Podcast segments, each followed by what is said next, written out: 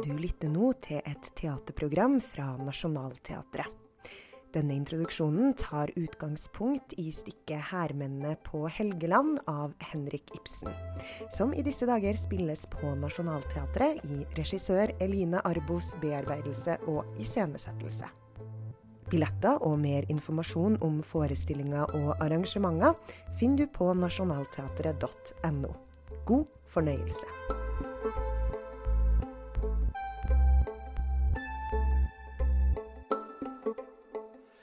Ja, Velkommen. Eh, mitt navn er Erik Henning Edvardsen. Jeg er eh, leder av eh, Ibsenmuseet, som for tiden holder stengt, men gjenåpner i 2021 med enda bedre utstyrt dikterhjem, større utstillingslokaler og ny teatersal, der Nationaltheatret skal være samarbeidspartner.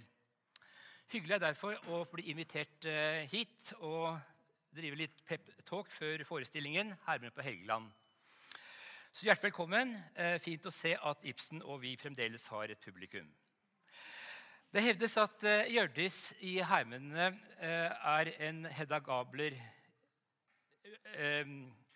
i vikingklær. Et slikt utsagn sier mye om Hedda, men, for det er hun vi kjenner, men tilsvarende lite om Hjørdis. For å forstå Ibsens hærmennene bør stykket heller ses i sammenheng med den tiden det ble skrevet.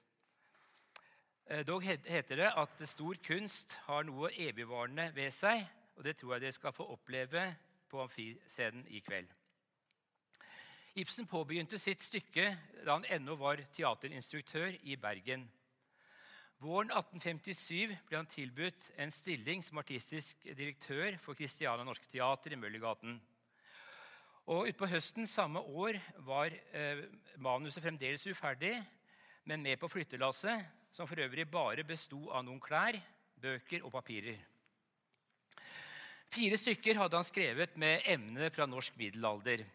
'Kjempehøyen', 'Gilde på Solhaug' og 'Olav Lillekrans' med lykkelig slutt, og bare 'Fru Inger til Østerått' med tragisk utgang. Idet fru Inger ved en misforståelse får drept sin egen sønn, som hun sitter og venter på for å få hjelp fra. Dermed taper hun også landet eh, og eh, Norges selvstendighet til Danmark. Eh, I Kjempehøyen hører vi om vikinger som har dratt til Frankrike for å øve blodhevn over Gandalfs far, som de mente hadde blitt drept der.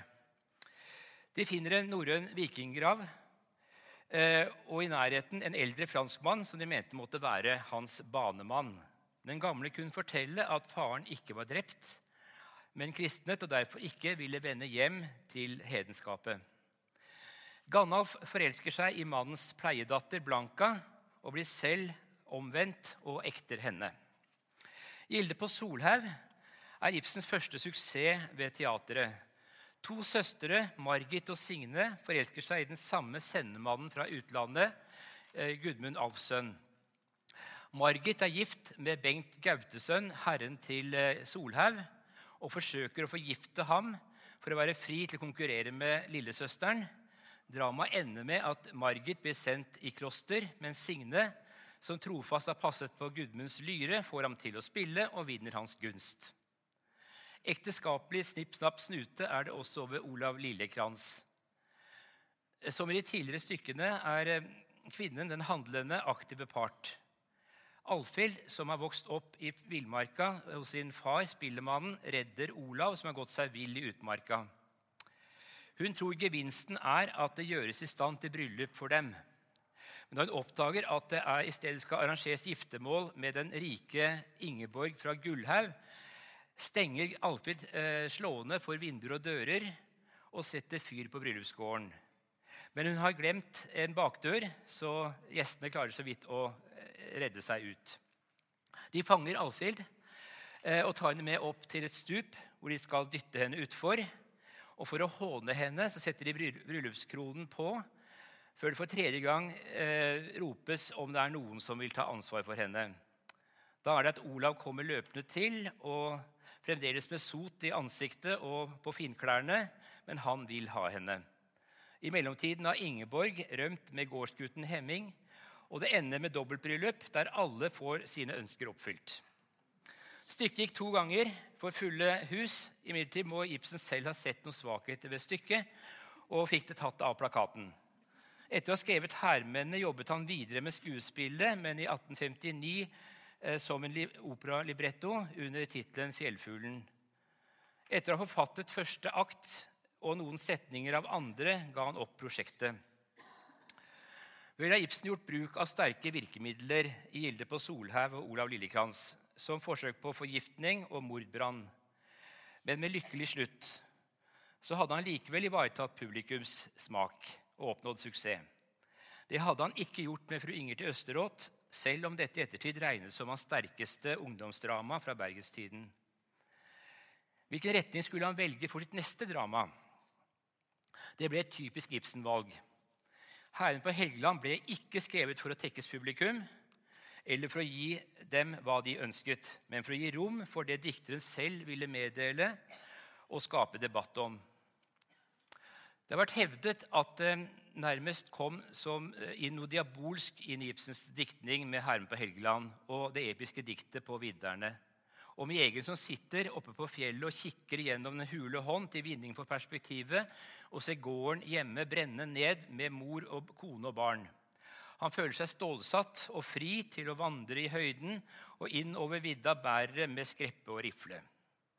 Hermene starter med to stridslystne herrer, Sigurd, hin sterke, og den islandske høvdingen Ørnulf fra fjordene. Ingen av dem vil vike og gå av veien for den andre, og begge gjør krav på det samme naustet. Sigurd får en mødig kvinne, hustruen Dagny, og Ørnulf får sine slitne menn. Allerede her er agendaen satt. Kvinnenes krav og rett til en plass i samfunnet kontra mennenes hang til selvforherligelse. Når Ørnulf påstår hans menn er mer verdt enn en, um, Sigurds kvinner, kvinne, eh, vet han ennå ikke at det er snakk om hans egen datter. Og Sigurd spotter Ørnulfs folk ved å karakterisere dem som æreløse skoggangsmenn. Sverdene henger løst i slira, og de gyver løs på hverandre, men Ørnulf og Sigurd viser seg å være imponerende jevnbyrdige. Av djevelskapen gjenkjenner de hverandre og senker våpnene. Tross gjensidig beundring er det likevel et motsetningsfylt forhold mellom de to. Sigurd har røvet Dagny, en uoppgjort sak som Ørnulf bør hevne. Langt større utfordringer oppstår når også fosterdatteren Hjørdis entrer arenaen med sine forventninger til livet. Uhellet for den stridslystne kvinnen er at hun er gift med Gunnar Herse, en fredselv bonde som ikke drar på vikingtokt. Hjørdis klamrer seg likevel til minnet om at Gunnar en gang hadde gjort en bragd og utført en heltegjerning som ikke engang Dagnys mann Sigurd hadde våget. I Gildesalen hadde Hjørdis stilt seg opp eh, fremfor mennene og forsynt at den som ville være hos henne i natt, måtte drepe isbjørnen han plassert utenfor sin dør. Begge var betatt av, eh, av Hjørdis, men Gunnar tok Sigurd til side og sa han måtte ha henne. Problemet var at han ikke turte å gi seg i kast med isbjørnen. Så avtalte de at Sigurd skulle utføre dåden, og at han skulle få Hjørdis den første natta. Sigurd dreper isbjørnen, og i mørket kryster han Hjørdis så hardt inntil seg at brynjen brister. Om morgenen mens hun enda sover, bærer han Hjørdis ned i båten til Gunnar. og De seiler av sted til Helgeland for å bli bønder, mens Sigurd røver med seg Dagny og drar på vikingferd. Dagny kunne nok tenkt seg fredelig, et fredeligere liv, mens Hjørdis drømmer om å være med og slåss med vikingene. Ulykkelig over sin situasjon men forvisset om bjørnedrapet og den ene lidenskapelige natten på Island blir Hjørdis et trolsk uvær av en gaikone. Tvilen er likevel reist. Under fortrolig søsterprat spør hun Dagny like ut. Men si meg, når Sigurd for i Viking, og du var med, når du hørte sverdene suse i, det, i den kvasse lek, når blodet eh, dampet rundt på skipsdekket, kom det ikke over deg en utemmelig lyst til å slåss blant mennene? Kledde du deg ikke i hærklær og tok våpen i hånd? Aldri. Hva tenker du på? Jeg, en kvinne. En kvinne, en kvinne. Det er ingen som vet hva en kvinne er i stand til. Nå, én ting kan du vel si meg, Dagny, for det vet du sikkert. Når en mann favner den kvinnen han har kjær, Er det sant at da brenner hennes blod, da banker hennes bryst, da får han henne til å svimle i selsom fryd? Og Dagny rødmende. Hjørdis, hvordan kan du? Hjørdis er både misunnelig og nysgjerrig og er viss på hva hun burde få ut av livet, en valkyrie i kamp. Etter hvert får hun greie på eh, hva overdrevent kameratskap har utsatt henne for. Men seksuelt begjær og hevnlys ser hun det bare en måte å tilrane seg han skulle hatt, om ikke dette liv, så i døden. Hun lurer Sigurd med seg opp på fjellskrent og skyter ham med pil og bue. Døende betror Sigurd henne at det likevel ikke eh, vil ende opp i det samme Valhall. Han var blitt en kristen. Hjørdis har intet valg. Hun utfører sin bestemmelse og hopper utfor stupet til en voldsom død. Dagny og Ørnulf og, eh, eh, Dagny, Ørnulf og Gunnar med sønnen Egil på armen ankommer klippen og finner først Sigurd drept av en pil, så buen til Hjørdis, før de hører Åsgårdreias susen gjennom luften. Og Egil påstår han ser sin egen mor i den ville jakt, idet de mørke skyene forsvinner over fjelltoppene. Ibsen har ikke bare folketroen om Åsgårdsreia. Også Voldsungasager ligger til grunn, og den tyske parallell Nibelungenlied. Da Sigfrid, dvs. Si Sigurd, forsvarer Brunhild, tilsvarende Hjørdis hos Ibsen. Eh, han vinner henne i kamp for Gynter, dvs. Si Gunnar. Eh, men han forhekses og blindes til å ekte Gudrun. Som hevn får eh, Brunhild ham drept, men da hun hører sannheten om at han var bundet av trolldom, tar hun sitt eget liv. Og Den tok samtiden Ibsens drama. Boka ble eh, utgitt som tilleggshefte til Illustrert nyhetsblad i 25. april i 1858, men var som manus levert til Christiania Teater allerede før jul. Det ble ikke noe satt på spilleplanen, men teatersjefen Carl Borgård trenerte oppførelsen.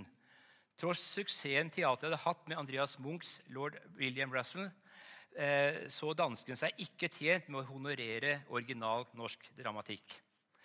Dermed tok Ibsen selv affære og meldte stykket inn for sitt eget teater, som egentlig ikke hadde krefter til å bære et slikt stykke. Men med sin sceneerfaring gikk Ibsen selv løs på oppgaven med veiledning, prøver, eh, påkostede teaterkulisser og spesialsydde drakter. Stykket ble en formidabel suksess, hvor ensemblet viste seg mer profesjonelt enn noen hadde tiltenkt dem å være. Kritikken eh, la spesielt vekt på eh, Amalie Døvles eh, eh, tolkning av den yndige Dagnys rolle og av den storslåtte tablåene til Peter Wergman, særlig scenen med 'Opprørt hav'. Men også Benedicte Hundevatt ble rost for den krevende rollen som Hjørdis. 'Hermene' ble teatrets største suksess noensinne. I Bergen nektet Bjørnson å sette opp hermennene og skriver selv i brev til den danske litteraturforskeren Clemens Petersen at det har ergret Ibsen, men at han likevel ikke ville bekvemme seg til å sette det opp. Av suksessen i Kristiania forlangte imidlertid ekteparet Jacob og Helene Marie Prom å få det som sitt benefiseforestilling. Den som spilte Hjørdis, var Ibsens egen talentfulle muse i Bergen, Fredrikke Nilsen som Ibsen muligens hadde hatt i tankene da han skrev stykket. Og Det var også hun som fikk spille rollen som Hjørdis 17 år senere på åpningsforestillingen for Den nasjonale scenen i 1876. Christian Teater gikk til oppførelse av Hermennene i 1861, trolig med kulisser og drakter lånt fra Ibsens egen oppførelse. Rollen som Hjørdis ble også for Laura Gundersen den største i hennes karriere. Utenfor i trappen mot Stortingsgaten står hennes statue, og hun er selvfølgelig avbildet som Hjørdis. Stykket dere nå skal eh, se, eh, fikk så overveldende mottakelse i fjor at muligheten igjen har bydd seg. Jeg håper at eh, denne smule bakgrunnsstoff har tjent til å gi et historisk perspektiv på stykket dere skal se, og at den dermed er ekstra klar for å møte Hjørdis og herremennene anno 2019. Og Da gjenstår det bare å ønske dere en spennende teateropplevelse. Takk for meg.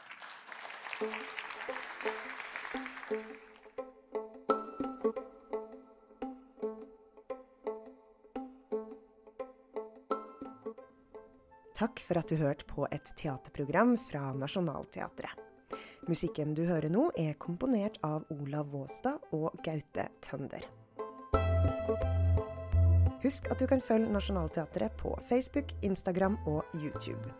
Vi håper å se deg i salen. Velkommen i teatret.